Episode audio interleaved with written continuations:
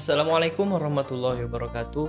Kembali lagi bersama saya tetap di channel saya Abdurs.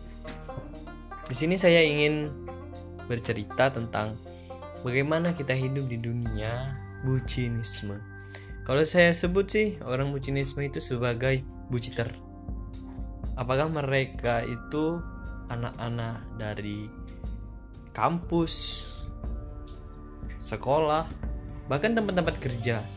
Mereka itu apa ya? Kita bisa bilang mereka adalah orang-orang yang mungkin mencari sesuatu yang lebih dari kehidupan ini. Kenapa? Karena buciter itu diidentikan teman-teman dengan cinta. Ya karena juga namanya budak cinta, ya kan. Tapi apakah salah?